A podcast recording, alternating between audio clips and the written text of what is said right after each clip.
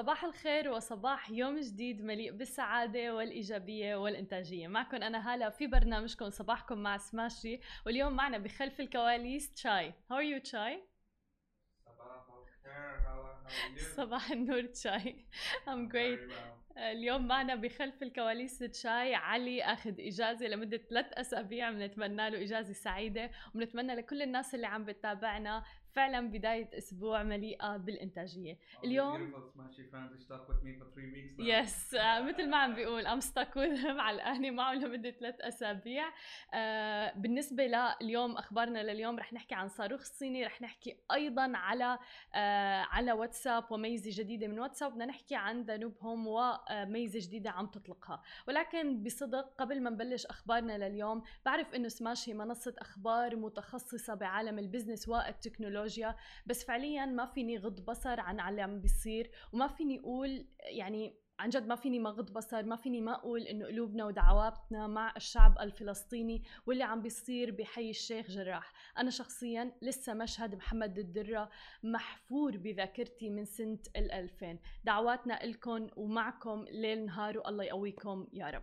خلينا نبدأ أخبارنا لليوم ونحكي عن يعني كمان الشغل الشاغل بالفترة الأخيرة من الصين وبعد ما خطف اهتمام العالم على الرغم من إنه المخاطر كانت شبه معدومة. اللي بيولدها الصاروخ الصيني بحسب ما أكدته وكالة ناسا سابقا. دخل صاروخ الصين الشارد يوم الأحد الغلاف الجوي للأرض وأعلنت الصين إنه الصاروخ الفضائي تفكك فوق بحر العرب بعد دخوله الغلاف الجوي. بحسب ما نقل طبعا التلفزيون الرسمي أيضا ووكالات الأنباء. كما أضافت أيضا إنه بقاياه سقطت في المحيط الهندي موضحة إنه الإحداثيات أشارت إلى منطقة جنوب غربي الهند وسريلانكا أيضا. أتى ذلك بعد ما أعلن مكتب هندسة الفضاء المأهوله الصيني بوقت سابق اليوم في منشور على حساباته بمواقع التواصل الاجتماعي على انه الموقع المتوقع لحطام الصاروخ الشارد حدد على خط الطول 28.38 درجة شرقا وخط العرض كان 34.43 شمالا. كما أشارت أيضا إحداثيات المكتب المذكور إلى أن بقايا ستقع في موقع ما بالبحر المتوسط. فيما كانت مواقع أخرى لتتبع حركته لفتت إلى أنه سيسقط قبالة تقاطع الساحلين المصري والليبي. هلا بالنسبة للأضرار يذكر إلى أن وزارة الخارجية الصينية كانت قد أكدت يوم الجمعة تحديدا أنه معظم حطام الصاروخ الصيني سيحترق عند دخوله تحديدا الغلاف الجوي مستبعدة كانت بشدة أنه يسبب أي ضرر على كوكب الأرض. بدوره أوضح مركز المراقبة والتتبع الفضائي في الاتحاد الأوروبي يوم السبت تحديدا يوم أمس إلى أنه احتمالات تأثير الصاروخ على مناطق مأهولة على الأرض ضعيفة جدا ولكنه أشار في حينها إلى أنه عدم السيطرة على حركة هذا الصاروخ تجعل أي تكهنات غير مؤكدة. طبعا هذا درس تعلمناه. للامور السابقة تحديدا إنه سمعنا إنه الصين حاطة ببالها وفي عندها خطط إلى إطلاق صواريخ مشابهة بالفترة القادمة. ولكن مثل ما ذكرنا آه يعني سقط الصاروخ الصيني في بحر العرب لم يتسبب بأي أضرار على الإطلاق. خلينا ننتقل لثاني خبر معنا لليوم ونحكي عن دانوب هوم مثل ما بنعرف أضرار آه تداعيات فيروس كورونا تحديدا في الهند آه، سلبية جدا على الأفراد على الاقتصاد بشكل كبير. لذلك أعلنت شركة دانوب هوم تحديدا في دبي في دولة الإمارات أنه 10% من أرباح شهر مايو تحديدا رح تتبرع بها لمتضرري فيروس كورونا في الهند. والأهم أنها رح تتبرع لتوفر معدات الأكسجين اللي في عليها نقص وطلب كبير في الهند. حيث وصل مثل ما ذكرنا إجمالي الإصابات بفيروس كورونا في الهند إلى أعداد ضخمة جدا. حوالي 22 مليون حالة إصابة 17 مليون حالة شفاء وأكثر من 238 ألف حالة وفاة في الهند. فجميل جدا أن نشوف شركات في منطقتنا العربية عم بتساعد في دعم الاقتصاد عم بتساعد في دعم الأفراد والمجتمعات المتضررة. خلينا ننتقل لآخر خبر معنا لليوم واللي هو خبر تكنولوجي. آه، أرجأت واتساب خدمة المراسلة التابعة لفيسبوك مجددا موعد التطبيق الحازم لقواعدها الجديدة وتحديدا قواعد الخصوصية اللي صار عليها بلبلة كبيرة بالفترة الأخيرة بشأن السرية والتي تواجه انتقادات بسببها تتعلق بجمع آه، بيانات المستخدمين اللي طبعا بالغ عددهم على واتساب حوالي مليارين حول العالم.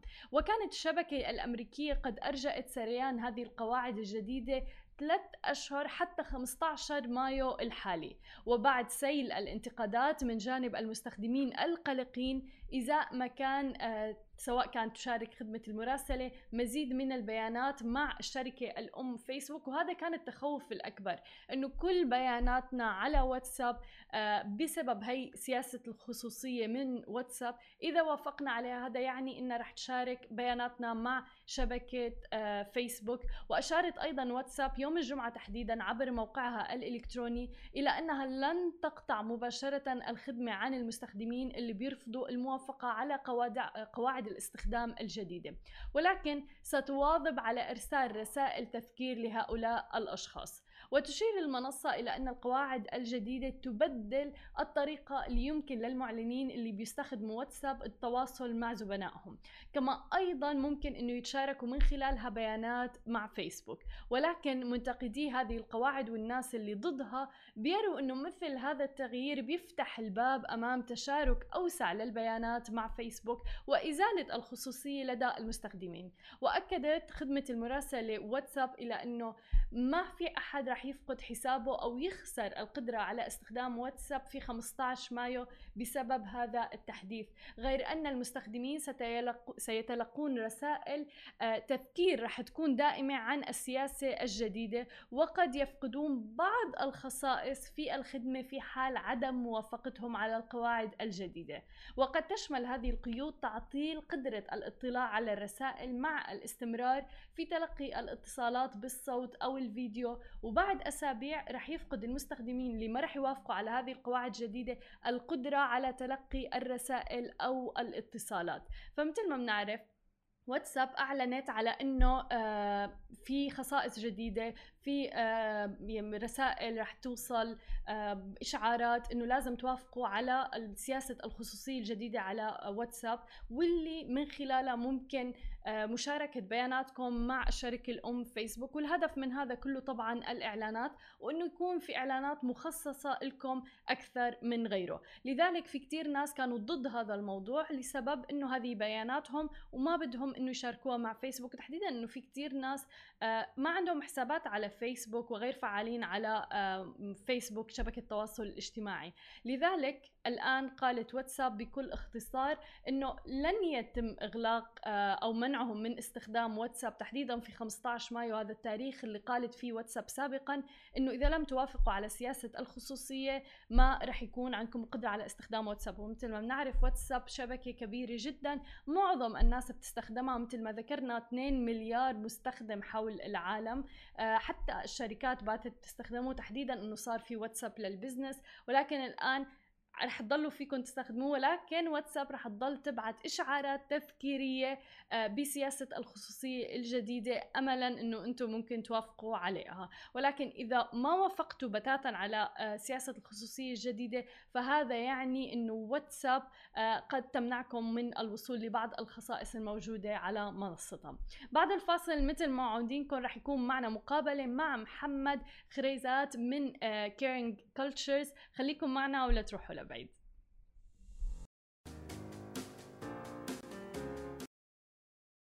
جديد ومعنا ضيفنا اليوم محمد خريزات من Kerning Cultures أهلا وسهلا فيك معنا اليوم.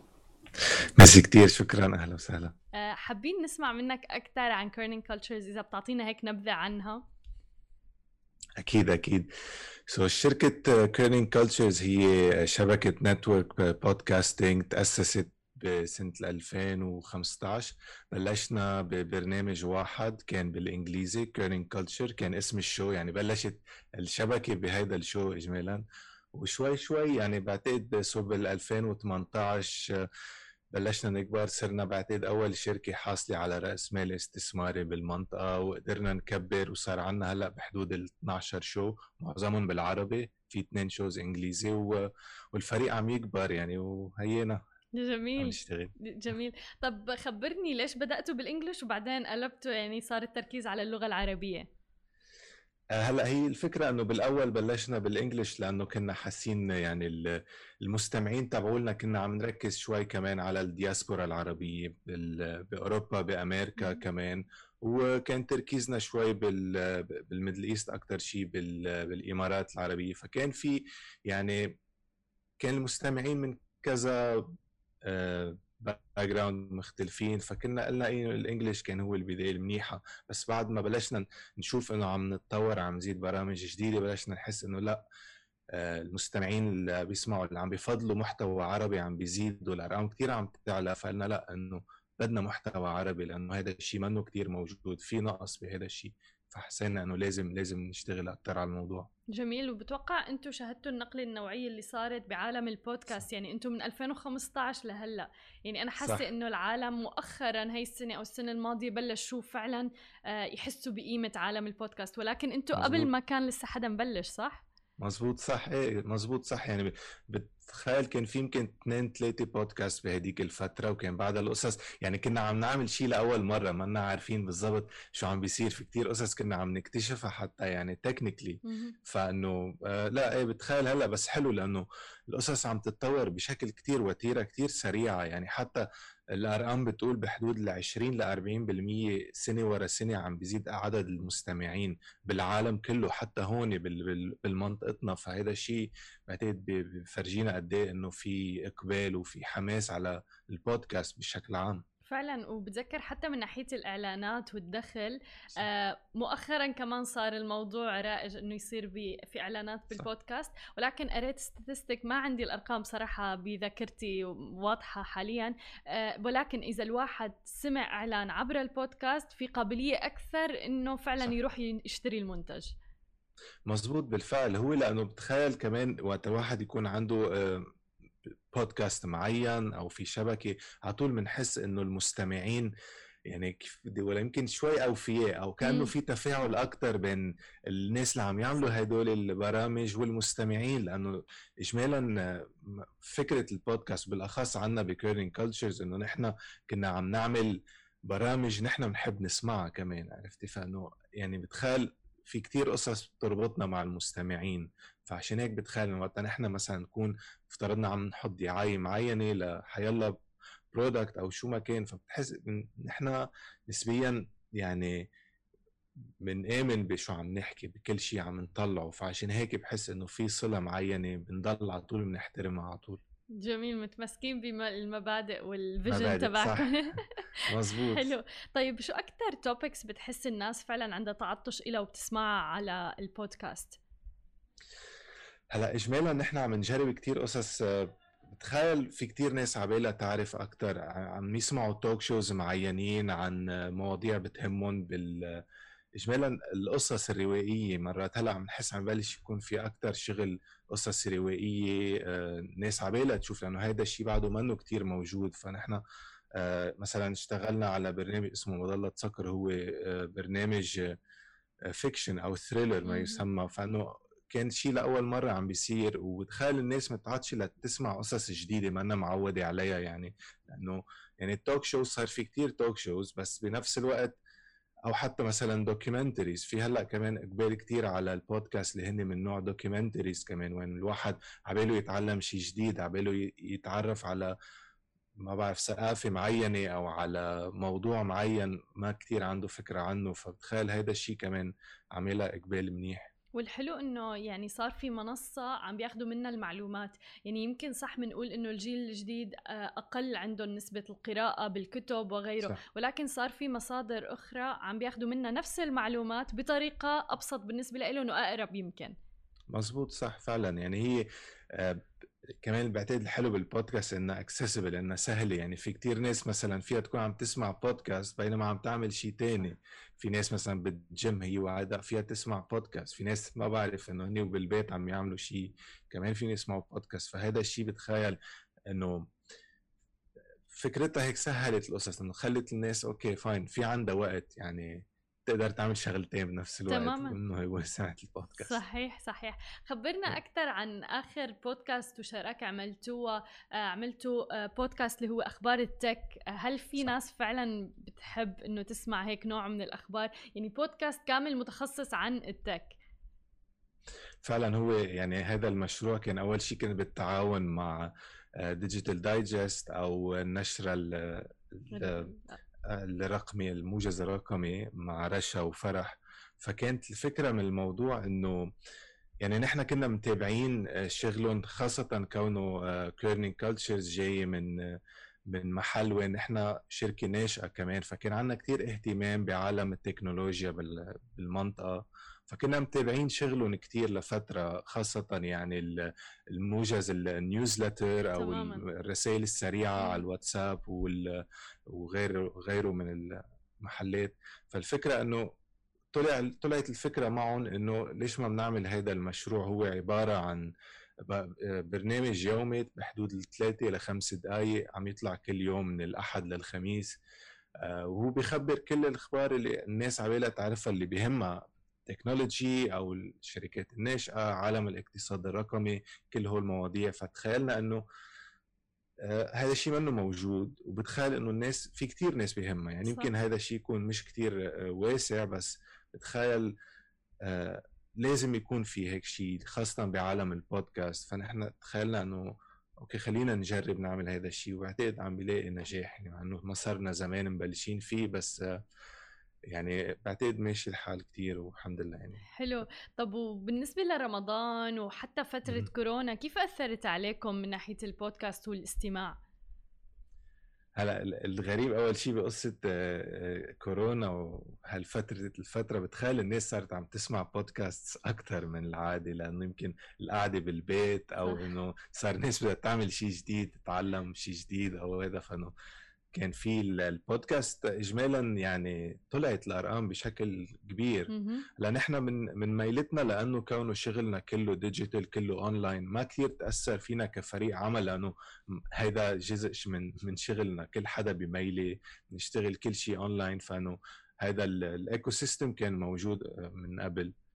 آه، هلا بالنسبة لرمضان الشيء الملفت هيدي الفترة إنه عم ال- البودكاست أو الشبكات بلش تتطور بموضوع إنه يصير في برامج عم تطلع بشهر رمضان هيدا. كمان جزء من من التطور اللي عم عم يلحظه عالم البودكاست إنه يعني كيف بالتلفزيون كنا كل فترة نشوف إنه كل سنة في تحضيرات لهيدا الشهر كرمال إنه الناس طبعاً. تطلع انتاجات جديدة عم تبلش تبين بالبودكاست وهذا بعتقد دليل خير إنه معناتها هيدا ال- ال domain أو هيدي ال industry عم تتطور وعم تكبر ف إيه بالعكس بعتقد هذا الشيء منيح. نحن هلأ عم نشتغل على كذا برنامج طلعوا هيدا الشهر ف لنشوف إنه إيه يعني.